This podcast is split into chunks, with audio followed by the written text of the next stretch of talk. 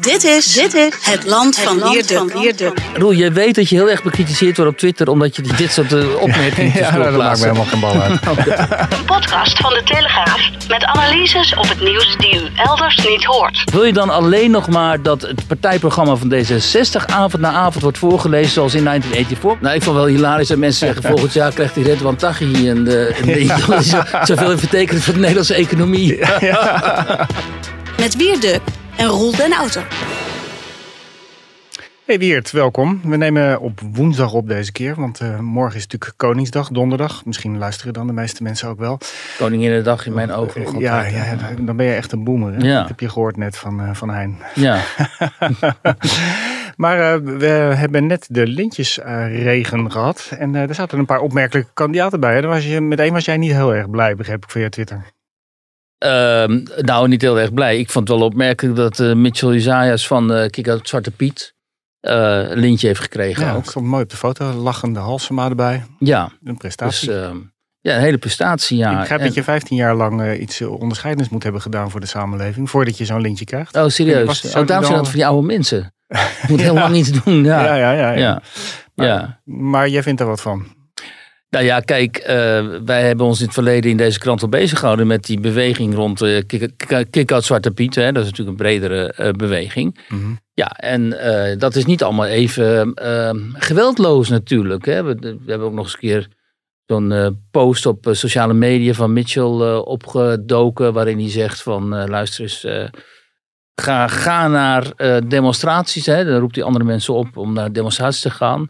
Of het nou vreedzaam is of niet. En dan denk ik, ja, dat is toch wel... eh, Hè, dus hij, hij schuwt kennelijk, hij sluit eventueel geweld niet uit. En dat was bij eh, Jerry Afri eh, op een gegeven moment ook zo. Hè. Los van dat het hele kick-out Zwarte Piet fenomeen natuurlijk voor een enorme polarisatie heeft gezorgd in de samenleving. En dat je dat hele thema van Zwarte Piet ook op een andere manier op de agenda had kunnen krijgen, denk ik, dan door te gaan demonstreren bij, hè, waar kinderen bij zijn. En destijds, destijds wilden ze immers naar Dokkum, toen hebben die blokkeervriezen hen tegengehouden, omdat ze ook wilden demonstreren in aanwezigheid van die kinderen en zo. Los daarvan dat het sowieso een polariserende club is, oké, dat dan denk ik oké, prima. Maar er zitten daar ook wel bedenkelijke eh, aspecten aan. En eh, dat hij dan eh, zo'n lintje krijgt. Namens de koning, hè? Ja, dat zegt natuurlijk, hij wordt natuurlijk voorgedragen. Dan moet de eerste burgemeester het goedkeuren. Ja, Dan de burgemeester van Amsterdam, Dan kan Halsema. je je voorstellen dat hij het er wel mee eens was. Die is natuurlijk is- mee eens. En dan gaat het naar de commissaris van de koningin. Die is er ook mee eens. En dan Daar moet het- toch wel een soort van antenne uitstaan van, hey, Nou- is dat niet handig? Kijk, los van, dit ene, van deze ene casus, eh, want ik gun hem dat lintje ook wel. ehm, laat dit natuurlijk zien hoe zeer de, zeg maar, de gevestigde orde, de elite in de greep is gekomen van dat inclusiviteit, zogenaamde inclusiviteits, diversiteits en woken denken. En ik denk niet dat iemand als eh, Juliette Rot, het raadslid in eh, Zaandam, dat zoveel te, te stellen heeft gehad met racistische aanvallen op haar. Hè, des- destijds ook door die Turks-Nederlandse Turks-Nederlandse, eh, schandaalvlogger, weet je nog, die vervolgens onmiddellijk. Ehm, ja. Ja. ja, ja, heel, hoe heet hij ook alweer? Ja. Nou ja, in ieder geval die vervelende vent die haar Ja. toen enorm begon te belasten eh, en, en nou, te intimideren gewoon. Hè? En om, omdat zij daar in de raad van Zaanstad gewoon eh, politiek eh, voerde. Ehm, en voor zo'n jonge vrouw, alleenstaand ook, was het natuurlijk allemaal heel erg bedreigend en intimiderend. En wat gebeurde er met die vent? Juliette Rot die kreeg van alle kanten het verwijt dat ze racistisch was. Notabene, ze is donker. Donkerhuidig, hè? Zoals van een vrouw van kleur. En die vent, die, eh, die schandaalvlogger, kreeg onmiddellijk een leuk baantje bij het Algemeen Dagblad. En eh, toen werkte ik daar nog. En toen ik dat te horen kreeg, toen besloot ik ter plekke van... oké, nu ga ik eh, hier weg. Want ehm, eh, dit kan ik gewoon niet verdragen. En dat met uh, Jezaja is natuurlijk ook zo. Kijk, ik, ik had als Juliet, iemand als Juliet Rolt of andere mensen van kleur... die echt verdiensten hebben voor de samenleving. Voor, ook voor de verbinding in de samenleving. En oog hebben voor het karakter van deze samenleving. En wat deze samenleving uh, tot een gemeenschap maakt.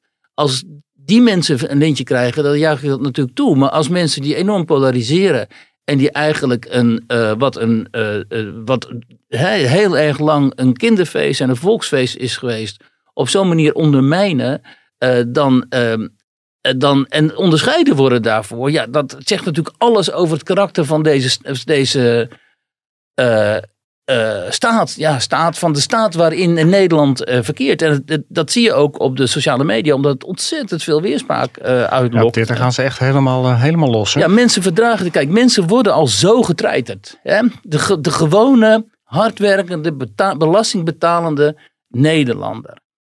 Van kleur, niet van kleur, blank, bruin, maakt niet uit. Al die mensen die gewoon Nederland uitmaken, hard werken, belasting betalen, premies betalen Waarvoor wij schrijven ook als krant, hè? de krant van Wakker Nederland. Die worden zo getreiterd de hele tijd met uh, hogere belastingen, klimaatmaatregelen, uh, hogere prijzen, inflatie. We moeten overal maar solidair mee zijn met het klimaat, met Oekraïne, met mensen die zogenaamd nog last zouden hebben van de slavernij, zoals Mitchell Esaias en zo. Hè? Die ontzettend last zouden hebben van Zwarte Piet. Terwijl elke uh, burger van kleur die ik ken, die gewoon zijn zaakjes voor elkaar heeft, hard werkt, gewoon meedoet en zo. Die heeft verder helemaal geen probleem met Zwarte Piet. Behalve dat hij het ziet als toch wel een, weet je, een, een, een, een laten we zeggen, een verschijnsel dat zijn, verschijnsel beste, tijd dat zijn beste tijd echt wel heeft gehad. En dat vinden jij en ik ook. weet je wel? Dus je kunt in alle redelijkheid zeggen: jongens, die Zwarte Piet kappen nou maar mee. Want het is inderdaad niet leuk als kinderen in, uh, op de lagere school voor Zwarte Piet worden uitgemaakt. En het gebeurt. Dus kappen gewoon mee. Maar het hoeft niet op zo'n hele agressieve uh, manier. En deze mensen, nogmaals, die worden nu permanent door al die kabinetten Rutte permanent getreiterd. Ook vernederd, omdat als je eens een keer je mond opentrekt, dan ben je onmiddellijk een racist en een xenofoob en weet ik veel wat. Als jij wat zegt van die Jerry Afrië, die uit Ghana hier naartoe is gekomen notabene. Die een mhm. schitterend leven heeft hier kunnen opbouwen. Die, die zich heeft kunnen ontpoppen als een dichter. Die, terwijl hij helemaal niet kan dichten, toch uh, erkend wordt als dat dichter. Mening, ja, oké, nou lees die dingen dan maar. Dat, is dat, staat helemaal nergens op. Maar dat hij erkend wordt ook als dichter, omdat hij notabene... Hè, om allerlei redenen die niet, niet per se met um, uh, literaire argumenten uh, te maken hebben. Dat je die deze bevolkingsgroep, waar ik het net over heb, dan ook nog eens een keer zo eigenlijk schoffeert door iemand als Isaias, die wordt gezien als een heel polariserende figuur. Uh, een lintje toe te kennen, ja, dat, dat, dat is bijna een provocatie. Ja. En dan nog los, weet je wel, want ik, ik heb in het verleden gewoon bief gehad met Isaias. En omdat mhm. we stukken hadden geschreven en zo. En terwijl ik, ik ken hem helemaal niet. En ik, ik, ik, zoals hij optreedt in de media, vind ik het helemaal geen opruier of zo. Nee. Aquasi wel, maar hij niet. En met die Black Archives die ze hebben, dat is volgens mij best interessant. Hè? Dan mhm. hebben ze dus een soort, soort uh, nou ja, de geschiedenis van de zwarte mensen, ook in Nederland, dat die meer aandacht krijgt. Ik ben historicus en dat daar veel meer over verschijnt en dat we daar veel meer kennis van krijgen. Zo juich ik natuurlijk alleen maar toe. Ik vind het ook interessant, weet je wel. Ik zat er ook graag, ik durf het nou niet zo goed mee te vertonen, maar ik wil er best een kijk in nemen. En omdat, dat interesseert mij als semi-intellectuele historicus. Alleen de publieke rol die zo iemand inneemt. En ook door dat soort dingen te schrijven van kom naar die demonstraties vreedzaam of niet. Dat vind ik gewoon heel bedenkelijk. En eh, laten we zeggen als laatste dan. De breekijzerfunctie die Kickout Zwarte Piet zichzelf heeft toegeëigend. Waarmee ze gewoon heel veel Nederlanders met kinderen echt verdriet hebben gedaan. En dat, dat, dat, dat begrijpen ze niet. Hè? Omdat zij kennen zichzelf het, verdriet, monopolie op het verdriet toe van de slavernij, van het racisme en zo. Maar er zijn gewoon heel veel jonge ouders ook met kinderen die dat Sinterklaasfeest gewoon... In Nederland is het Sinterklaasfeest iconisch. En als het dan telkens zo verstoord wordt door dit soort uh, activistische groepen die ook aan die kinderen duidelijk maken, ja, die Sinterklaas moet je gewoon niet in geloven. En die Zwarte Piet is een, racistisch symbool en zo. Ja, dan doe je heel veel mensen, die kwets je daar gewoon mee. En dat had natuurlijk niet op deze manier gehoeven. Wat op een andere manier afscheid kunnen nemen van Zwarte Piet. Um, ja, niet door nu nog eventjes een schop na te geven. En niet door precies om nu nog even die mensen nog een schop na te geven. Dan polariseer je gewoon als gevestigde orde. Ik denk niet dat het handig is dat de koning daar een handtekening onder gezet heeft uiteindelijk. Nou, die heeft een handtekening onder gezet. Nou, op Twitter ging ze in ieder geval aardig los. Hè. Zelfs, er werd gezegd, gezegd Aquasi moet de, Nobel, de Nobelprijs voor de vrede krijgen. Nou, ik vond wel hilarisch dat mensen zeggen volgend jaar krijgt hij Redwan Taghi en de, en de, ja. zoveel betekent voor de Nederlandse economie. Ja, nou, het is in deze context niet eens uit te sluiten, weet je, om de Marokkaanse gemeenschap maar niet te beledigen. Ja. wat een okay, maar nou wat, echt wat een land ja, zijn ja, ja, ja, ja, Maar daar hadden we het vorige week over. Hè? Waar gaan we heen uh, emigreren? Tenminste, jij uh, bent er klaar mee. Ik ben er nog echt niet klaar mee. Ik vind het altijd nog wel grappig eigenlijk. Om hier, uh, nou, ik kan dit zo langzamerhand niet meer als grappig. Ik, nee? Nee, en ik zie dit ook ik niet durf het niet hardop te zeggen, maar ik blijf het toch nog steeds een gaaf landje vinden. Ja, maar, ja ik ook. Nou, ja, ik, ik, ik vind dit, dit zijn geen grappen meer. Als je op een gegeven moment letterlijk. Hè, vandaag was er ook zo'n stuk in de NSC. Hè, om nog even uit te breiden. over hoe wij eigenlijk gemonitord zijn tijdens de. Uh, coronaperiode, dat wisten we wel, want het was uit WOP-documenten al. Ja, daar gaan we het er straks over hebben. We kunnen het er nu ook wel over hebben hoor. Maar nou, kunnen we even over hebben, ja. Want columniste Mar uh, Marianne Zwageman, die had het hier ook al over uh, gehad. Die heeft daar de afgelopen jaren echt enorm op de trom geslagen. Hè? Dat ja, en er werd dan telkens afgedaan. Oh, heb je weer van die wappies en zo. Terwijl het is gewoon, er was een desinfo-team vanuit de overheid samengesteld. Om zogenaamd desinfo over het virus en de vaccins te, te counteren. Een denktank was het, hè? Een denktank. En uh, waar ook mensen van hè, Facebook en Google en zo. Ja, er 35 ambtenaren in, communicatie-experts, zorgverleners. En die hebben sinds 2019, sinds het uh, nog voor de corona-epidemie uitbrak, zijn ze op zoek gegaan naar mensen die rare, in hun ogen rare informatie zouden verspreiden.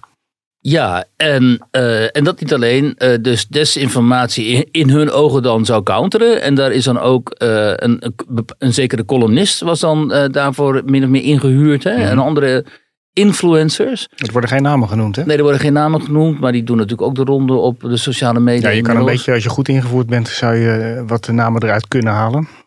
Ja, heel veel mensen suggereren nu Maarten Keulemans van de Volkskrant, maar dat is natuurlijk niet zo. Maar Maarten is ook geen columnist, die is gewoon wetenschapsjournalist. En die heeft de, dus die zal niet geweest zijn. Maar het, het, het enge hier is natuurlijk dus dat er vanuit de overheid wordt gedacht: oké, we moeten het overheidsnarratief dat eruit bestaat, dat bepaalde medicijnen die zouden kunnen werken tegen uh, corona in de eerste lijn. Hè, dan hadden we het over dat hydroxychloroquine ja. Oh ja, en ivermectine, hè, met die huisartsen inderdaad in het zuiden die daar door de inspectie uh, voor werd geschorst. hè?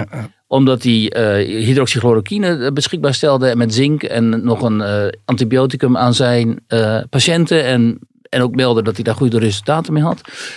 Um, er werden dus bewust, zeg maar, door de overheid werd erop aangestuurd dat uh, alleen het vaccin uh, de uitkomst zou zijn. Dat was het narratief, hè? Ja. Dat was het verhaal. En uh, dat geen medicijn eigenlijk zou helpen. En mensen die dan daar bedenkingen over zouden hebben, of zouden zeggen: luister eens, in landen als in Afrika en in India en zo wordt het ivermectine en de hydroxychloroquine en zo wel ingezet en het schijnt te helpen. Dat moest dan, daar moest dan tegenspraak op worden georganiseerd. Ja. Um, nou ja, dat is natuurlijk uh, heel heftig. Zeker als je daar ook eens nog eens een keer uh, voor gaat lenen. als je vanuit in de, in de media werkzaam bent. Ja, het is heftig. Maar ik kan me voorstellen dat de overheid toch heel graag wel een beetje wil controleren. wat er gebeurt in de samenleving. En dat kon nu niet makkelijker dan al die social media te, af te struinen. Uh, ja, dus die maar, verleiding is groot. Ja, natuurlijk. Maar dat snap ik wel. Alleen, nou ja, hier zitten sowieso allerlei hele bedenkelijke elementen in. Ja, omdat je op een gegeven moment. Je gaat benaderen ook. Ja. Je gaat mensen benaderen, je gaat mensen de inspectie bij mensen langsturen. En je, je maakt dus deals met sociale, met die met big tech. Ja, die waren, deden ook mee in, dat, in die denktank. Om, om tweets te gaan onderdrukken en zo. Een uh, lezenswaardig verhaal overigens van onze collega's van het Mediahuis. Ja, dat is een goed, goed verhaal. Alleen dat, we wisten dit dus eigenlijk al. En Zwageman heeft er inderdaad al op gewezen. En, maar die, die, nu wordt er nog eens een keer in context geplaatst. Ik wist het vaak, maar nu je het zo terugleest, denk ik, poeh, wow, dat was wel heel heftig dat ik zo werd, dat ik of dat we zo werden gecontroleerd. Nou ja, weet je, ik stond op een gegeven moment gewoon op een lijst van de IVD. Van, uh, van uh, mensen die dan uh, in de gaten zouden moeten worden gehouden vanwege om de, hun influencerschap. En zo. Nou, dat gebeurde in onze jeugd natuurlijk ook. Als je lid was van de CPN, dan stond je ook op de lijst van. Ja, maar dat was, dan was je wel staatsvijandig zo ongeveer. Dat ben ik toch echt niet. Weet je wel. Dus uh, ja, er worden. En, en, en kijk, daar gaat het natuurlijk om. En het is ontzettend interessant. Um, uh, daar, daar kan ik wel even iets over zeggen. Die uh, Matt Taibbi, weet je wel, die van de, van de Twitter-files. Die, dat is een gewoon in mijn ogen briljante Amerikaanse journalist. Die heb ik nog, uh, kende ik nog uh, uh, destijds in Moskou toen ik daar werkte. Toen had hij samen met Mark Ames had hij, een schandaalblog daar, of schandaalblad eigenlijk, want destijds had je nog geen internet. Zij waren ontzettend goed ingevoerd, ook destijds in de Russische politiek. Hadden notabene als enige westerlingen zo ongeveer ook um, scoops daaruit. En die Matt Taibbi die heeft zich vervolgens in Amerika ontwikkeld tot een sterverslaggever. Voor Rolling Stones heeft hij geweldige dingen gedaan, onder andere over de bankencrisis. en nu is hij min of meer, zeg maar, in een ehm, ingewikkelde positie gekomen, omdat hij zozeer het overheidsverhaal uh, onderzoekt. En tijdens Trump ook zozeer heeft aangetoond hoe die liberale media, de zogenaamde kwaliteitsmedia, aan de kant van de Democraten zijn gaan staan. En bewust hè, met die Russia hoax en zo geprobeerd hebben om Trump onderuit te halen. Nou ja, daardoor word je, word je natuurlijk steeds uh, marginaler, zeg maar. Hè? Als je dat in Nederland doet, dan word je ook snel gewoon um, in de hoek van de wappies geduwd. Mij komt, overkomt dat uh, doordat mensen dan gaan zeggen hij is een Poetin-versteer. Ja. Wat natuurlijk flauwekul is, maar ik probeer nuances aan te brengen in het verhaal over Rusland en de Oekraïne. En dan heb je allemaal van die overheidsgestuurde types op de sociale media die jou dan gaan aanvallen. Dat is dus heel interessant, dat mij ook overkomt. Hè? Op het moment dat ik dus een genuanceerd verhaal over Rusland breng, dan zijn er allemaal types waarvan ik gewoon weet die uh, worden uh, getipt vanuit bepaalde, laten we zeggen, kringen van uh, ga die duk aanvallen. En dan zie je dat boem, boem, boem, boem en het gebeurt dan. En voordat je, voordat je het weet heb je een frame en dan, dan ben je de klos. En dat is met ook overkomen, maar nu heeft hij weer een fantastisch. Hij heeft dus ehm, van Elon Musk dan die Twitter-files gedaan. Uiteindelijk mogen gekregen en mogen uitzoeken. Uiteindelijk is hij ook met Elon Musk gebrouilleerd geraakt. Maar nu had hij een heel goed stuk um, over wat we nou eigenlijk zien, weet je wel. Wat, wat, wat zien we nou als, we, als je die overheid, zoals ook in het NSC-stuk, uit, zoals uit het NSC-stuk blijkt, zo ingrijpt en in, probeert in te grijpen in het uh, publieke debat. Ik heb mijn bril op, dus ik zie, ik zie er een beetje, een beetje ingewikkeld met de microfoon. Ja, en wat hij uiteindelijk zegt, of het is um, dat de, de Trump-era has birthed a new brand of paranoid politics. Dus vanuit, vanuit de, de tijd van Trump is er een nieuw soort van paranoïde politiek. Uh, politics is wat anders dan politiek, maar goed, je weet wat ik bedoel. Uh, ontstaan where once liberalizing institutions, dus waar ooit zeg maar emanciperende en liberaliserende instituties, de, uh, zoals de media en NGO's, zich hebben verenigd in een politiek kartel. Nou, dat is waar uh, Baudet ook terecht al heel lang op wijst. Helaas, Baudet ontspoort, moet je er altijd bij zeggen. Maar zijn, uh, zijn, zijn analyse over het kartel, politiek mediaal kartel, klopt natuurlijk. Ja, het um, op een ehm, zekere hoogte natuurlijk. Nou ja, kijk, wij onttrekken ons daar aan. Maar de meeste, hè, heel veel media gaan natuurlijk gewoon puur volgens, mee in het ja, overheidszaak. Volgens hem zitten wij in hetzelfde kartel. En doen ja, maar dat even komt, aan mee. Dat komt door iets heel anders. Maar goed, waarin een uh, single political cartel dus er alles aan doet om zeg maar, de, gezicht, de gevestigde orde te uh, beschermen tegen de contagion, dus besmetting van mass movements. Um, door massabewegingen. En precies dat is het. Dus ze, ze proberen, en dat is ook gebeurd hier in Nederland tijdens corona. Dat waren allemaal pogingen om uh, het ontstaan van een massabeweging tegen de overheid eigenlijk tegen te gaan. En dat zag je hè, op Museumplein, op Malieveld zo, waar die mensen ook allemaal ja, massaal in elkaar werden geslagen. Maar is het niet ook dat de overheid angst heeft voor massahysterie? Hysterie? Uh, ja, dat kun je zeggen. Maar in ieder geval door de maatregelen die de overheid heeft getroffen in die tijd. En door zo, uh, zo ook op grote schaal en op hele uh, zeg maar, virulente schaal ook politie in te schakelen destijds. Waar, je herinnert je die beelden van uh, die, Romeo's, maar ook die beelden van gewoon oudere mensen en gewoon gezinnetjes die, die in elkaar werden geslagen en zo. En wat je nu dus heel sterk ziet gebeuren weer in Frankrijk. Daardoor creëer je zoveel wantrouwen bij de burgers dat inmiddels, uh, hoeveel was het ook alweer, meer dan 70% meen ik van de burgers geen vertrouwen meer heeft in uh, de politiek. Ja. En dat is precies dus je krijgt als een boemerang terug. Je kunt allerlei hmm. middelen uh, inschakelen. En je kunt de media proberen mee te krijgen. Je kunt proberen allerlei NGO's mee te krijgen. En die jouw verhaal als overheid dan moeten gaan verdedigen. En een soort beschermingsmuur moeten gaan vormen rond jou. Maar uiteindelijk, als je dit soort zware middelen ook inzet. Lockdowns, politie optreden, mensen criminaliseren. Uh, mensen bijna dwingen om zich te laten vaccineren en zo. En je niks aantrekken trekken van de onschendbaarheid van het lichaam. En dat soort dingen en zo ja, dan, dan creëer je zoveel onrust in de samenleving en zoveel haat tegen die overheid. Dat je uiteindelijk in een situatie komt zoals waar wij nu in zitten. Dat een heel groot deel van de Nederlandse burgers uh, de overheid niet meer vertrouwt. het is wel een beetje afgekoeld, heb ik nu de indruk, nu de corona-epidemie voorbij is. Nou, dat bleek niet uit de verkiezingsoverwinning Nee, van nee, BBB. Nee. Die Ja, in twaalf provincies zijn ze de grootste. Ja. En dat is de stem van, deze, van, de, van dit protest. Ja, daar, maar daar zitten misschien weer andere dingen achter. Nou, daar zit heel veel... eh, daar, Daar, zit, zit, daar zit een hoop onvrede over de, de politiek in het algemeen. Maar ik weet niet of dat eh, gaat over de onvrede van hoe de, de overheid de corona heeft aangepakt. Ik denk dat daar best wel een hoop mensen. Nee, maar dit gaat. Kijk, corona achteraf. was natuurlijk gewoon een, eh, een katalysator. Maar corona was bij uitstek eh, de, waar alles samenkwam, en alle onvrede samenkwam over eh, de onvrede over het functioneren van de overheid. Die crisis na crisis na crisis geen crisis weet op te lossen. En de coronacrisis was de grootste crisis. Maar hetzelfde geldt voor de immigratiecrisis, voor de zogenaamde klimaatcrisis, zogenaamde stikstofcrisis en zo. Dat komt allemaal bij elkaar. En al die onvrede is geculmineerd in dat, die monsteroverwinning van BBB. Dus er zit, eh, zoals dat vier jaar geleden bij die monsteroverwinning van Forum voor Democratie het geval was. Dus er is een enorme behoefte aan, eh, aan, aan een andere politiek, aan een ander beleid en aan een andere overheid die bijvoorbeeld niet mensen als Mitchell Jezajas een lintje geeft, maar zegt van jongens, tot hier en niet verder en we geven Juliette Rot een lintje. Want die betekent uiteindelijk meer voor de gemeenschap en voor de verbinding in de samenleving dan zo'n Jezajas. En bij uitstek is Caroline van der Plas, die weliswaar heel erg gecritiseerd, wordt- bekritiseerd wordt door links en zo, iemand die gaat, die toch probeert te verbinden. En Ja, of dat nou tactisch is van haar, Ja. Of dat ze zo is, ze gaat nu notabene meezingen, begreep ik zo meteen met die John de Beveren. Ja, ja, ja. Nou ja, ik bedoel, Misschien en dat vindt, schijnt ze ook echt leuk te vinden. Kijk, dat kan ik zeggen van, ja, of denken van, joh, dat moet je niet doen. Maar dat is wel verbindend, denk ik. Als ben je nog niet eh, uitgenodigd als bassist? Of, eh, nee, nee, er zijn ja, een andere... beetje zingen eigenlijk. nou, maar niet, niet, niet zoals onze collega's van onze Telegraafband, zeker niet. Ja, nee, maar ik denk dat, dat zij heel slim meebuigt. Caroline van der Plas. Ik denk dat zij ook juist zo is. Maar als je de kop in de wind gooit meteen, dan krijg je zo'n storm over je heen, dan ga je dat niet overleven. En dit is een hele slimme, rustige manier om iets op te bouwen misschien. Een rustige beweging.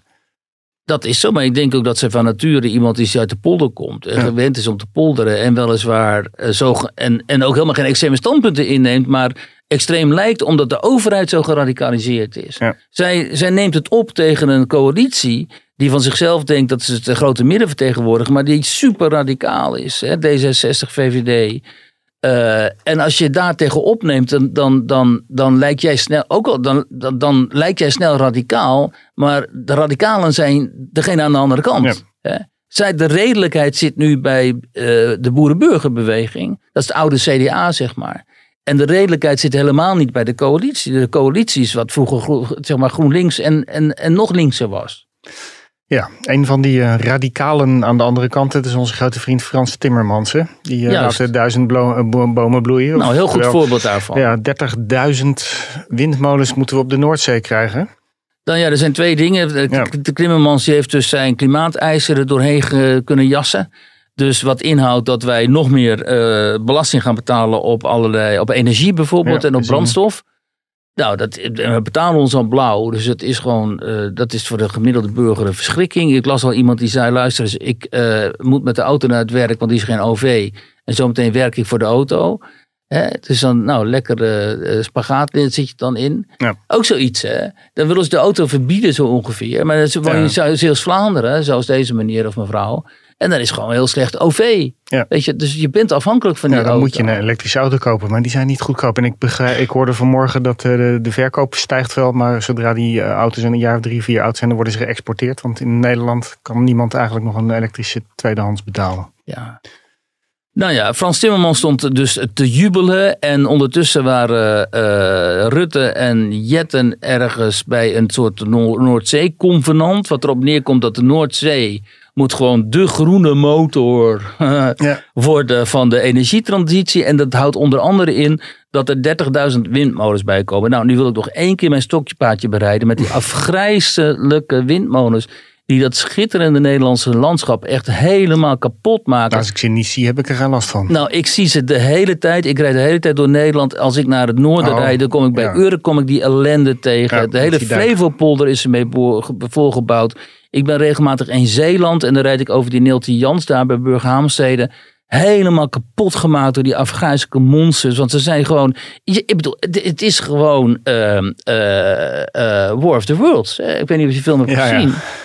Dan zie je die monsters verschijnen met Tom Ja. Cruise. Ja, En dit zijn die film. monsters. Eh, Kijk, Siri vindt het ook. ja, Syrië is het er helemaal mee eens. En die gaan nu uitleggen wanneer die film is gemaakt. Zo. Degene Maar, die jou de hele dag afluistert, Wiert. en het is volstrekt onbegrijpelijk, onbegrijpelijk dat er mensen zijn die dit, die dit oké vinden. Ik bedoel, in Duitsland is het ook al zo, de rijden door Duitsland en Ja, ik ga overal die de auto naar. Berlijn. Dan ga je, je rijdt langs zeeën van eh, windmolens. Nou, dat is toch verschrikkelijk. En dan gaan ze nu de Noordzee, wat in pri- principe, kijk, wij zijn gewoon een park Nederland. Of zo'n moerasdelta ingericht als een park. Dus Ja. hier, hier is helemaal geen natuur. De Noordzee is onze natuur. Die hebben ze die vissers eruit gegooid. Want die mogen daar niet meer vissen. Die moeten allemaal die, al, al die kotters van die vissers, die liggen nu in kampen waar ze worden eh, gesloopt. Ze mogen ook niet naar Italië en zo worden verkocht. Spanje, weet ik veel. Dat mo- moeten worden gesloopt. Dus het bedrijf in kampen, dat... eh, heeft de een naar de andere kotter die ze daar krijgen, die ze moeten slopen. Die Noordzee wordt dus, eh, daar mogen ze niet meer vissen. En wat komt er te staan? 30.000 extra windmolens.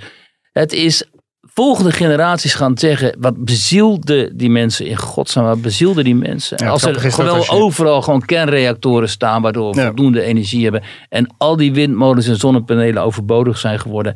Die moeten we er allemaal afgebouwd. Ze zijn allemaal vol met gif.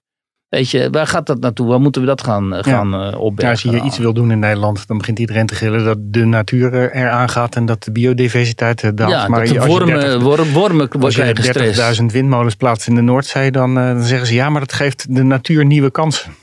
Die Tjeerd de Groot van D66, die overigens niet wordt veroordeeld voor het feit dat hij Jonathan Crispijn van Ongehoord Nieuws een fascist noemde. Want dat is kennelijk niet erg als je de hebben, Groot heet. Die begon destijds toch over de stress van de wormen. Hè? Die wormen hadden stress. nou, maar die vissen hebben dus geen stress. En weet je wat ze ook zeggen dan? Dan zeg je, erg hè, 30.000 windmolens erbij. Het zijn er mensen, ja, zeggen dan mensen die voorstanders van, ja, en vissen zullen wel verdwijnen en zo, maar er komen hele andere biotopen voor in de plaats. Want ja, dan gaan zich allerlei mosselen en zo Ja. aan, die, aan die sokkels van die windmolens, die gaan zich daar vastkleven. En Ja. dus, on- dus er ontstaat een andere, eh, Ja, een eh, andere biotoop. Zeg maar. biotoop. Ja. Ja, echt, houd toch op. ik geloof niet dat we het daarover eens gaan worden. Want ik, ja, ik moet zeggen, ik vind die windmolens eh, op het land vind ik, zijn ze soms wel lelijk. Maar ik denk op zee Roel, kan mij ze zien er niet uit. En kijk, ga naar de. Vroeger, ik ben opgegroeid aan de kust bij Domburg. Dat waren wijdse vergezichten. Waardoor je kon mijmeren over het leven en, en, hè, en dat soort zaken. Ja. Nu ga je daar naar, die, naar eh, dat strand. En dan zie je die afgrijzelijke Nou, windmolens kan in de verte dat eh, staan. ons mooie leven al mijmerend mede mogelijk wordt gemaakt door die fantastische windmolens. Roel, je weet dat je heel erg bekritiseerd wordt op Twitter. Omdat je hier altijd in de uitzending dit soort eh, opmerkingen Ja, nou, dat maakt me helemaal geen bal uit. Oké. Nee, maar ik waarschuw je alvast even, want Ja. gaat je weer op heel veel kritiek te staan komen. Oké, zeg, we gaan het ook nog hebben over eh, ongehoord Nederland, hè? Ja, gingen we nog Want, wat, eh, wat met de mos doen eh, eigenlijk? Ja, nee, daar gaan we het ook nog over hebben. Maar jij gooit altijd alles door elkaar. Maar Ja, dat is helemaal niet erg. Maar eh, de ongehoord Nederland, hè, dat er is, eh, de- die dreigen nu toch echt van de, van de buis te verdwijnen. Wij vinden dat we gewoon in die waaier een, een deel van de meningen mogen verkondigen. En dat doen we, laten we duidelijk zijn. We zijn nog nooit gedaagd voor een rechter. Wij, wij hebben niks fouts gedaan. Wij worden echt veroordeeld om een mening. En dat druist in tegen alle democratische grondrechten. En dat is ja, onverkwikkelijk. Ja, en ik lees eh, net vanmorgen dat er een advocaat die gaat een, eh, een rechtszaak eh, beginnen tegen de, tegen de staat. Ja, ik, eh, wat, wat vind jij ervan? Ik kijk, ik kijk af en toe naar eh, Ongehoord Nederland. Dan zie ik een herhaling ergens. Of op YouTube Ja. hebben ze soms stukjes staan. En dan denk ik van ja, het is redelijk eh, eenzijdig wat daar eh, aan tafel eh, zit. Aan de andere kant, als ik 's middags Radio 1 luister, de, de Nieuwsbv Oh. of de Nieuwsfabriek. Ja, dan Dan hoor ik te horen dat Israël een apartheidstaat is. apartheidstaat is. Ja. En dat, we, dat het echt belachelijk is dat niemand nog groener wil zijn. En dat het Ja. belachelijk is dat we vliegen. En dan zijn er alleen maar presentatoren die instemmend knikken. Oh, Of tenminste hoorbaar instemmend knikken. Maar als het bij Ongehoord Nederland. Ik denk, ik ben, denk af en toe dat wat dingen die ze daar zeggen. Doe dat nou niet. Nou kijk, ehm, de hypocrisie van dit alles is natuurlijk onvoorstelbaar. Ja. Ehm, en, maar we moeten wel goed onderscheiden. Kijk, Ongehoord Nederland ehm, heeft het de journalistiek natuurlijk niet goed gedaan. Nee. Eh, maar ik geloof dat ze dat zelf inmiddels ook al weten. Het is ook niet goed dat Arnold Kaskens daar als eentje, op zijn eentje de scepter zwaait. En geen, geen tegenspraak dult en Nee, zo. dat zie je duidelijk dat hij geen tegenspraak krijgt. Ja. Hij gelooft heel erg in zichzelf nu. Ja, en, eh, hè, en het is ook heel jammer, want het zou. Ja. Nou, laten, als ik, iemand als ik daarnaast had gezeten, had ik af en toe gezegd: jongens, doe dat nou niet. Hè. Laat Reizer Bloemenstein nou niet zes keer in een uitzending het N-woord gebruiken en zo. Dat Iemand Alleen af en maar- toe eens tegenspreekt in een podcast. Precies. Hè? is goed voor je. En doe dat nou niet, want, je, want wat wil je nou? Wil je nou, als net als Forum voor Democratie heeft gedaan, eh, voldoen aan een behoefte en vervolgens zo doordraaien en doordraven en over allerlei grenzen gaan, dat je jezelf compleet marginaliseert? Of wil je zoals die BBB van Caroline van der Plas hetzelfde, maar dan wel binnen de, de regels die je ook accepteert? Omdat eh, eh, als je meedoet aan een parlementaire democratie, accepteer je de regels van de democratische rechtsstaat. Als je meedoet in dit bestel, als je mee wilt doen in dit, dit bestel, dan accepteer je de regels van dit bestel. Ja. Alleen je, je probeert ze te rekken. Mhm. Dus je probeert te voorzien in een behoefte, en die is er natuurlijk van heel veel mensen, om een, zo- laten we het zeggen, een rechtser, realistischer, kritischer geluid over allerlei thema's te laten horen. Van immigratie tot klimaat, tot eh woke, en tot gen- gender, noem maar op. Een beetje wat wij ook doen. Hè? Maar dan ga je natuurlijk niet expres provoceren door heel vaak gewoon neger te zeggen in de uitzending. Ja. Eh, En bedoeld om te provoceren. En je laat ook niet, als je, in, als je, wilt, laten, als je wilt aantonen dat veel blanken slachtoffer zijn van zwart geweld, laat je niet willekeurig wat filmpjes zien zoals zij hebben Ja, gedaan. ja. Waarop eh, Ja. hele nare filmpjes waarop blanke kinderen dan in elkaar worden gebeukt Ja. door het zwarte mops. En dan ga je dat als bewijs aanvoeren voor het feit dat er zoveel geweld zou zijn. Want dat, kun je, dat kan onmiddellijk onderuit worden gehaald natuurlijk, natuurlijk. ook. En het, dat is ook, en bovendien, dit is, eh Dat is onprofessioneel. Onprofessioneel was dat, ja. Super onprofessioneel. Je laat ook niet elke uitzending iemand van Forum voor Democratie opdraven. Wat wel heel vaak gebeurt. Nou, en dan zit er Pepijn van Houwelingen, die mag weer wat zeggen. Ja, van Haga mag af en toe eh, Ja. aanschuiven. Maar goed, en dan zeggen zij, ja oké, maar we nodigen ook andere mensen uit en die willen niet komen. Ja. Nou, fair. Dat is dan, hè, Vollebroek zat er wel, die durfde dus wel te komen. En ik Wilders- zag de Wilders laatste tijd... Eigenlijk. Die heb ik daar niet Nee. Wils gaat nooit ergens toe Nee. volgens mij die, met die, eh, met die bewaking.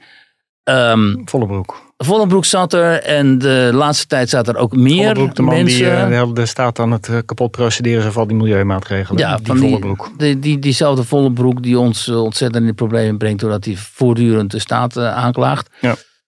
Goed, die gingen wel zitten. En eh Bouke Geersing zat er, voormalig directeur van de NOS. En nog wel wat mensen. da- waardoor ik die, dat programma wel wat meer zag opschuiven naar een soort redelijke vorm van eh, journalistiek. Dus meer eh het op, ja. Ja. daar leek het op. En nu worden ze dus aangepakt. En nu willen ze dus ongehoord Nederland uit het bestel werken. En nu komen we op, op het volgende. We hebben nu ongehoord Nederland bekritiseerd. Gezegd wat daar niet aan klopt. Wat klopt er nou niet aan het feit dat eh, zij zo eh, aangepakt worden? Nou ja, dat is natuurlijk die onmetelijke hypocrisie Ja. van al die deugneuzen die hier ongehoord Nederland voor uit het bestel willen werken. Die zelf voor programma's werken waar permanent mensen worden geframed. Mensen niet worden uitgenodigd. Worden ze wel uitgenodigd, krijgen ze drie, vier, vijf mensen tegenover zich. Cabaretiers meestal, Ja. hè, Dolf Janssens van deze wereld. Die hen gaan aanvallen. Ja. Of, eh, of weet je wel. En ze hanteren het taalgebruik, het jargon. Ze hebben de insteek. Uit alles blijkt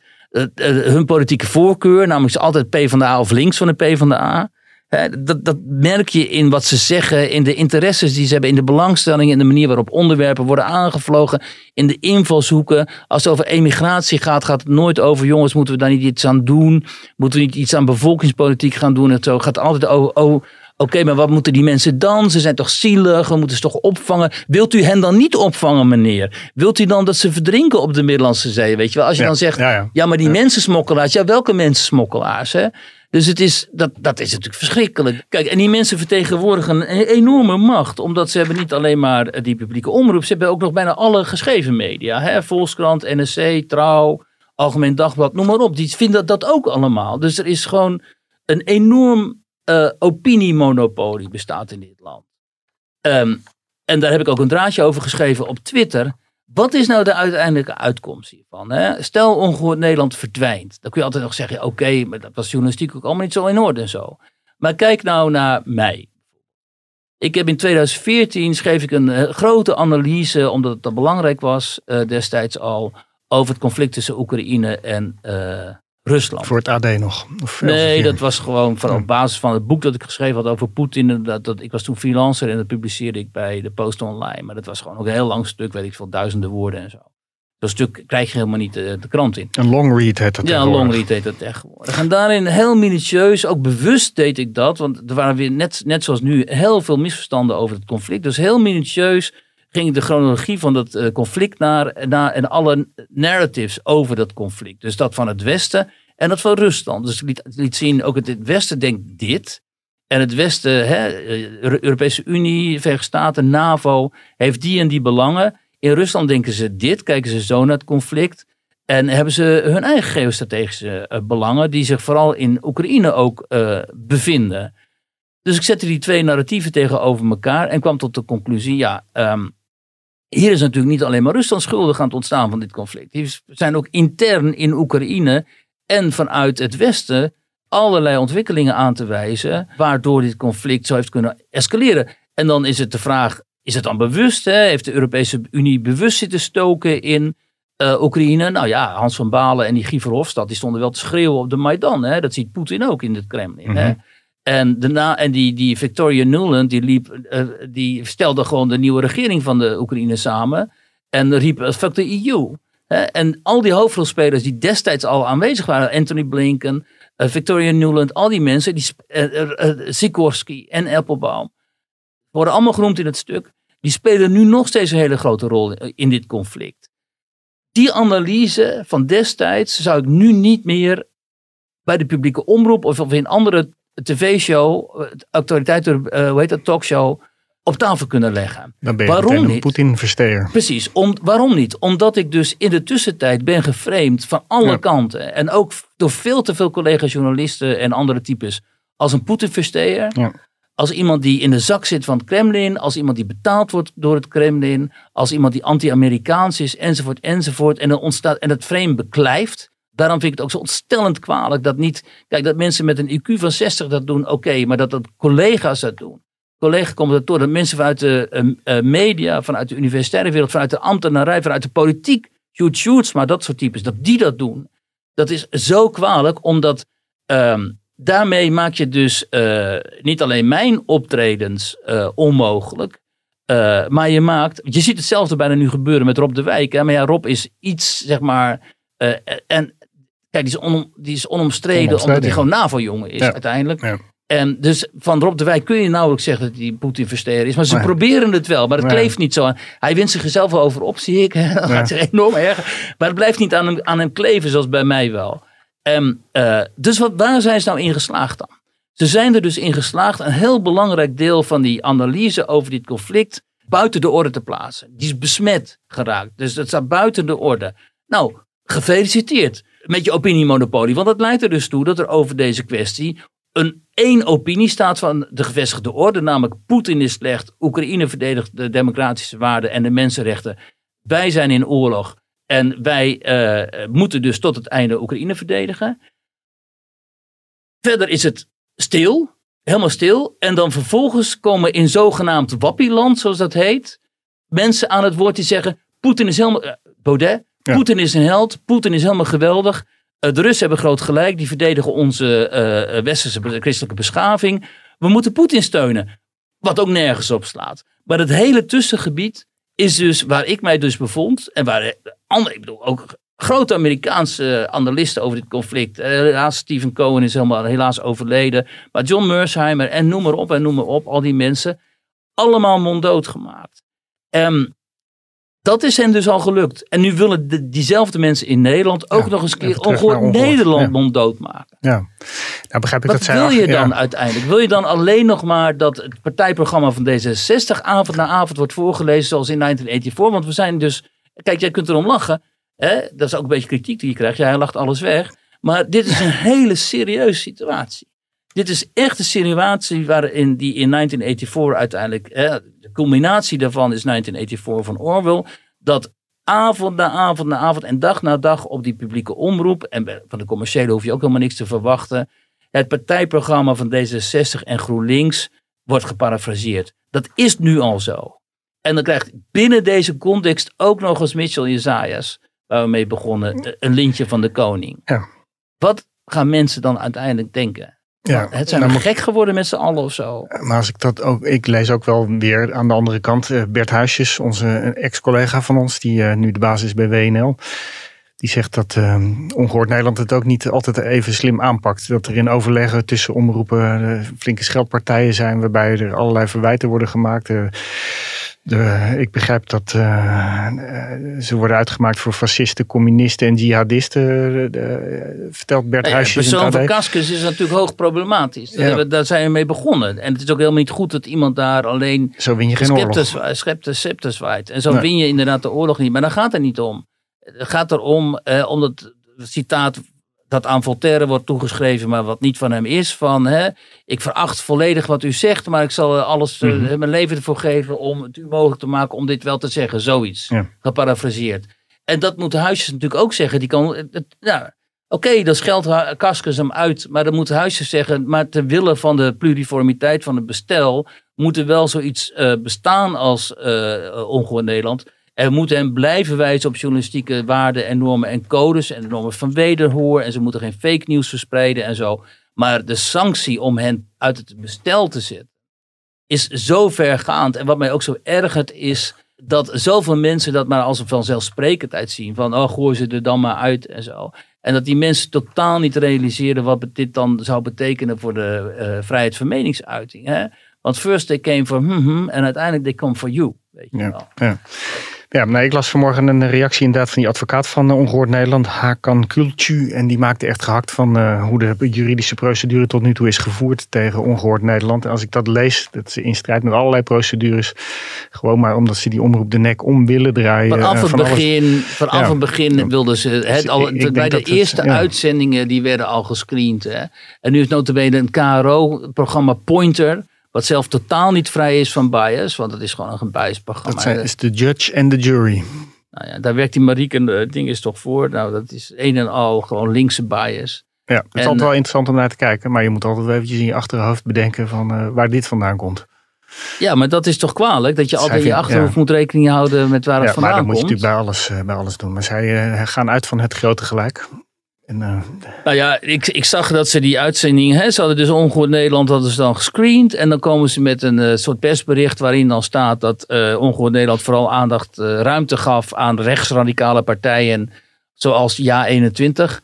Nou, daar haak ik al af. Want Ja. hoezo is, ja, is, is GroenLinks, dan- zullen ze GroenLinks dan linksradicaal noemen? Ja, maar Nee, het was rond die verkiezingen. Dus toen, toen was het misschien ook zaak om wat meer aandacht, negatieve aandacht voor jaar 21 eh, onder het voetlicht, Wacht over even. het voetlicht te krijgen. Wel, je beweert nu dat Pointer dan negatieve... Oh, God, nee. Ja, Dit was Pointer, niet durven hè? natuurlijk. Hè? Pointer. Pointer werpt zich op als de factchecker, neutrale factchecker van eh, de publieke omroep, zeg maar, van KRO. Ja. Hoe kun je als neutrale factchecker zeggen dat Ja 21 rechtsradicaal is? Ja, nee. Dat is de hoogste conservatief-liberale partij. Voortgekomen weliswaar uit Forum voor Democratie, maar juist omdat zij zagen dat Forum voor Democratie afgleed naar eventueel rechtsradicalisme, hebben zich afgescheiden. En dan ga je hen toch niet rechtsradicaal noemen? Dan, dat, wat ik zeg, dan de evenknie daarvan is dat je dus GroenLinks linksradicaal noemt. Ja. Nou, dat, dat doet Pointer natuurlijk niet. Dat doen wij zelfs niet. Terwijl GroenLinks voortgekomen uit CPN. Ja, Ja, staatsgevaarlijke communistische partij, Ja. man. het boekje Ja. van Mao lazen die. Ja. Nou ja, van, eh, van eh, Het rode boek. je had er gewoon Stalinist had je daar, eh, daar ja, zitten. ook. Ja, ja. Dus volgens mij was Mao meer SP. Maar eh, de SP noem je toch ook niet meer linksradicaal? Nee. Terwijl de SP, er waren gewoon, zaten Maoïsten in die partij. ja. Nou, dit gaat ze nog lang nagedragen worden, die jaar 21 mensen, dat ze ooit eh, bij eh, Forum hebben gezeten. En, Ja, maar ja, dat, dat, dat kunnen hun politieke tegenstanders kunnen dat doen. En proberen daarmee stemmen te winnen. Alleen een rubriek die zich opwerpt als neutrale factchecker. Die, die moet het natuurlijk niet doen. Ja, dus, nee. eh, maar. Nee, de geschiedenis blijft lang terugkomen voor die mensen. Net als eh, de geschiedenis van Cleopatra nu ook weer eh, naar boven is gehaald. Want Cleopatra zou volgens een Netflix documentaire zwart zijn. Nou, volgens mij hebben we het straks ook nog over Richard de Mos. En Jongen, jongen. we, nou ja. we zitten al aan de 34 minuten. Ja. Ja, nou, Dat, eh, die al- marathon is al bijna Al uitgelopen. wel langer, ja. Al langer. Oh, langer. Maar we gaan wel even die zwarte kloop in Oh. Cleopatra behandelen. We gaan even de Ja, want dan kunnen we En daarna doen we Richard de, de vriendelijke groeten. Ja, zeker. Ja, Netflix documentaire. Die eh, Queen Cleopatra. Is het een film of een documentaire? Het is volgens mij eh, een serie. ja, serie. Wordt de ja. legendarische Egyptische koningin gespeeld door een zwarte actrice Adele James. Ja, Er zijn 85.000 eh, handtekeningen binnen een paar dagen door Egypte, voor, onder Egyptenaren opgehaald. ja En schitterend. jij hebt, eh, we hebben een eh, audiofragment geloof ik. Hè? Van wie is dat? Ja, dat is een meneer die zich dus heel erg druk maakt over het feit dat het Egyptische culturele erfgoed in de persoon van Cleopatra hier wordt verkwanseld door Hollywood, omdat ze daar een, vanuit woke overwegingen een zwarte actrice van hebben, voor hebben ingehuurd.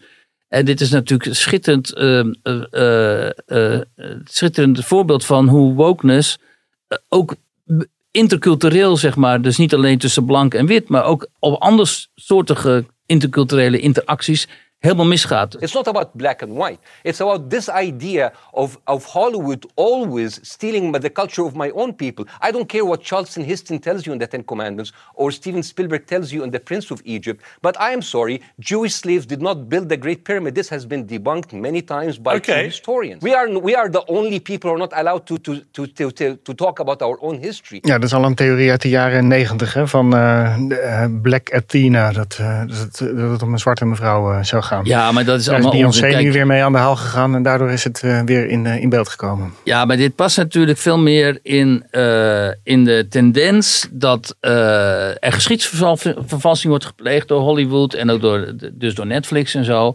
Door allerlei mensen die in het verleden dus gewoon blank waren, of in dit geval gewoon Egyptisch, dus getint, maar niet zwart, Ja. zoals Cleopatra. Om, die, eh, om daarvoor zwarte mensen in te huren om die rollen te spelen. Ja. Je hebt toch ook die serie, hele populaire serie, die speelt dan in de Engeland van de jaren 19, 18e, 19e eeuw of zo. Hoe heet die ook alweer? Ja, Eh, ja, ja, ja. Bridgerton of zo. Ja, Bridgerton. Nou, dan zijn we allemaal, zwarte mensen hebben daar opeens allerlei enorme functies die ze destijds natuurlijk helemaal, niet, eh, helemaal niet in. Ja, een hele verwarrende serie is dat. Ja, en er zijn nog meer hè, van die actiehelden eh, de- dan, eh, of van die helden uit comics en zo, die dan Ja, opeens zwart maar dan zijn. kan je wel zeggen dat is allemaal een verzonnen verhaal. Maar als je mensen uit de 18e eeuw gaat portret, zo gaat portretteren, dat is natuurlijk heel bizar. Nou ja, is Anne Boleyn ook niet gespeeld door, of Anna Boleyn zoals wij zeggen, ook niet gespeeld door een zwarte actrice, wat, eh, wat ook niet kan. Nee. Dus, eh dus ze plegen. En, en wij zijn zo langzamerhand zo geïntimideerd, wij blanken hier in het Westen, dat we zeggen, nou ja, doe maar dan. Want anders eh, zijn we racistisch dus we, zeggen er maar niks meer van. Of als je er wel wat van zegt, nou ja, dan, dan word je onmiddellijk in die racistische hoek gedrukt. Maar deze Egyptenaar, die we net hoorden, Mhm. die laat zich de kaas niet van brood eten. Die zegt, en dat is het zo schitterend nu, eh, die zegt, ja, jullie maken je schuldig aan cultural eh, appropriation in de zin van, jullie eh, laten iemand die zwart is de rol spelen van, van ons eh, icoon. En het is net zo erg als de destijds Elizabeth Taylor de rol speelde van Cleopatra. Dat vonden wij ook niet oké. Dat was weliswaar een, een hele bekende actrice. Dat was wel een hele aantrekkelijke versie. Hele van. aantrekkelijke versie natuurlijk. Eh, maar dit vinden we ook niet oké. En, en daarom wilde ik het even laten horen. Want het is natuurlijk een geweldige eh, eh, manier van... Een geweldig voorbeeld dat onderbouwt dat if you go woke, you go broke. Ja. En eh, je, doet het natuurlijk ook nooit goed hè, met historische drama's. nou, lijkt me wel. Je kunt toch gewoon hier een, iemand voor vragen, actrice voor vragen die dit eh, licht ja, getint is. Ja, zeker. Het zou En gewoon een Egyptische, maar dan, eh, Ja, dan en- klopt. Ja, dan klopt En het historische figuren uit blanke Westen, die moet je gewoon laten spelen door, door, door blanken, lijkt mij. En zodra er dan eh, anderszins gekleurde huiden, huiden in het spel komen, dan laat je niet spelen door mensen met, met dat huidtype. En Wij, eh, we lopen een beetje uit, de- uit de rails vandaag. Ja, we moeten tijd. de Mos nog Eh, tegemoet Maar we gaan eh, Richard de Mos gaan we nog feliciteren met zijn eh, vrijspraak. Ik heb toen die hele zaak gevolgd en de uitspraak gevolgd. En ik moet zeggen, die rechter maakte echt gehakt van wat het OM. Dat je, en dan ga je echt denken van jongens, is dit politiek gemotiveerd geweest? Nou, dat heb ik vanaf het begin gedacht, dat, eh, toen ik die aank- aanklacht zag en hoe het nu was. Dat het poli- politiek gemotiveerd was. En het was natuurlijk een ideale manier om de winnaar van de verkiezingen daar in de stad eh, ervan te weerhouden de grootste partij eh, te, te worden. en, eh, en hij had ook op een gegeven moment burgemeester kunnen worden. Hè, want hij was lokale burgemeester. Ehm, ehm, en in die zin verbaast me het niks. Alleen het, wat mij verbaasd heeft, is dat er dus nog een rechtszussen bestaan die dit zien. Ja, en die dan zeggen, ja zeker. luister eens, Ja, Ik was OM. blij verheugd. Ik, zat me echt, eh, ik vond het echt fantastisch, die man. Ja, want ik heb natuurlijk zoveel eh, momenten meegemaakt eh, die twijfel eh, zaaiden bij mij ook over de onpartijdigheid van de rechtsstaat. Hè, ik was destijds bij het proces van die blokkeervriezen. Als je zag hoe die werden aangepakt. En met het enorme dédain waarmee het OM hen eh, behandelde alsof ze een soort... eh, der- Ja, derde- en een rechter die daarin meeging.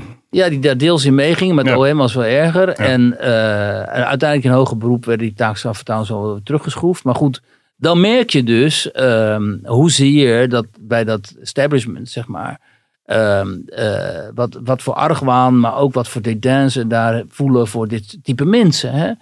Ehm, en dat voelen ze natuurlijk ook voor de mos. Ja, ja, dat in hun was ogen is de mos natuurlijk een tokkie die uit de PVV afkomstig is. En van alles ritselt. Precies, Nee, een ritselaar, moet wel corrupt zijn en eh, waarschijnlijk ook wel racist en zo, eh, je kent het wel.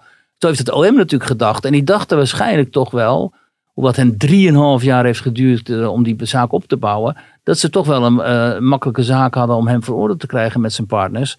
Nou, dat is mooi mislukt. En het meest onmerkelijke was natuurlijk nog dat de rechter niet alleen zei van "Ja, jongens, die, eh, die, die, wat jullie hier aandragen, dat kan gewoon helemaal niet eh, de toets van de kritiek Nee. doorstaan. Maar juist, eh, de heer De Mos heeft juist van alles gedaan voor de stad. Ja, Dus hij, allemaal, alles in het belang van de stad. hij gaf hem nog een pluim. Ja, ja, en, ja. en nou ja, bijna je, stemadvies was het van de rechter. ja, maar ja, kijk, die man, die doet wat voor de stad. Als je nu weer ziet, hè, die volstrekt in discrediet geraakt advocaat Sidney Smeets. Die Kamerlid was van D66 en de Kamer moest verlaten omdat hij dus, eh, omdat werd, bekend werd dat hij jonge jongens had proberen te Benaderd. verleiden, benaderd om eh, seks met hem te hebben. Toen moest hij dus uit de Kamer. Eh, en er is zo'n bekende twitteraar, Sander van Dam. Die maakt van die ontzettend ge- geestige luikjes, zoals dat dan heet op Twitter. En die heeft hem... wijst op hun, eh, op hun eigen verleden. ja, waarin die mensen wijst, vooral linkse mensen, op een enorme hypocrisie. Hè? Ja. De Sander Schimmelpennings van deze wereld, zeg maar.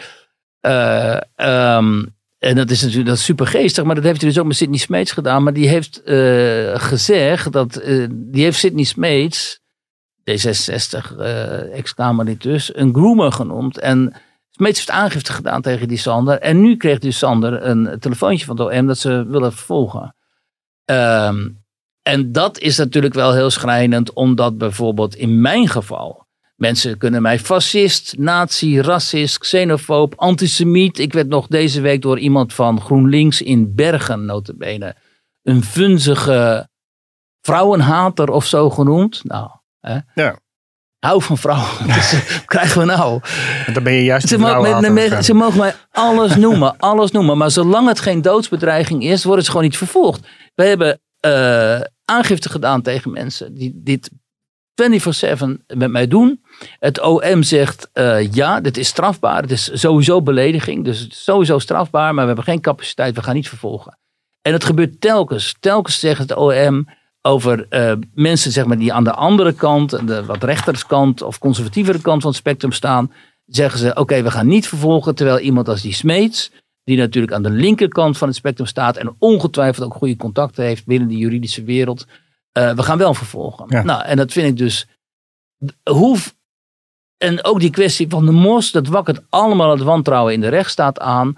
Daarom- Dit ook. ja. Ik zou denken, zeggen, kapper is mee. Maar het, het, het interesseert ze gewoon niet. Het Het zou, ja, nou, niet. De vraag is of iemand ooit zou, zal kunnen blootleggen of er een soort van eh, toch een lijn is aan de, op de achtergrond. Die, Nou, eh, kijk maar, eh, net zoals dat eh, bekend is wat de voorkeuren zijn van de meeste journalisten, namelijk voor een heel erg groot deel stemmen die gewoon op linkse partijen, Mhm. is ook uitgezocht wat de voorkeuren zijn van eh, mensen binnen de, eh, zeg maar, hè, de juridische wereld. En daar heeft D66 gewoon een heel groot, eh, eh, heel groot bereik, laat ik het zo zeggen. Ja. Dus, en dat moet geen rol spelen. Hè? We gaan uit van de onafhankelijkheid van de rechtspraak. Maar ja, dan moeten ze ook niet eh, twijfel daarover zaaien. En dat wordt in mijn ogen te vaak gezaaid. Amen, en dan moeten we even afsluiten nu natuurlijk met die rechter in het casus De Mos. Die hier dus een totaal contrair aan is. Mhm. En wel heel onafhankelijk heeft weten te, te oordelen. Ik ben benieuwd hoe we daar nog meer van horen van die rechter. Ehm, ik eh, wilde jou bedanken en volgende week gaan wij eh, weer vrolijk verder. Fijne Koningsdag dan, hè? Ja,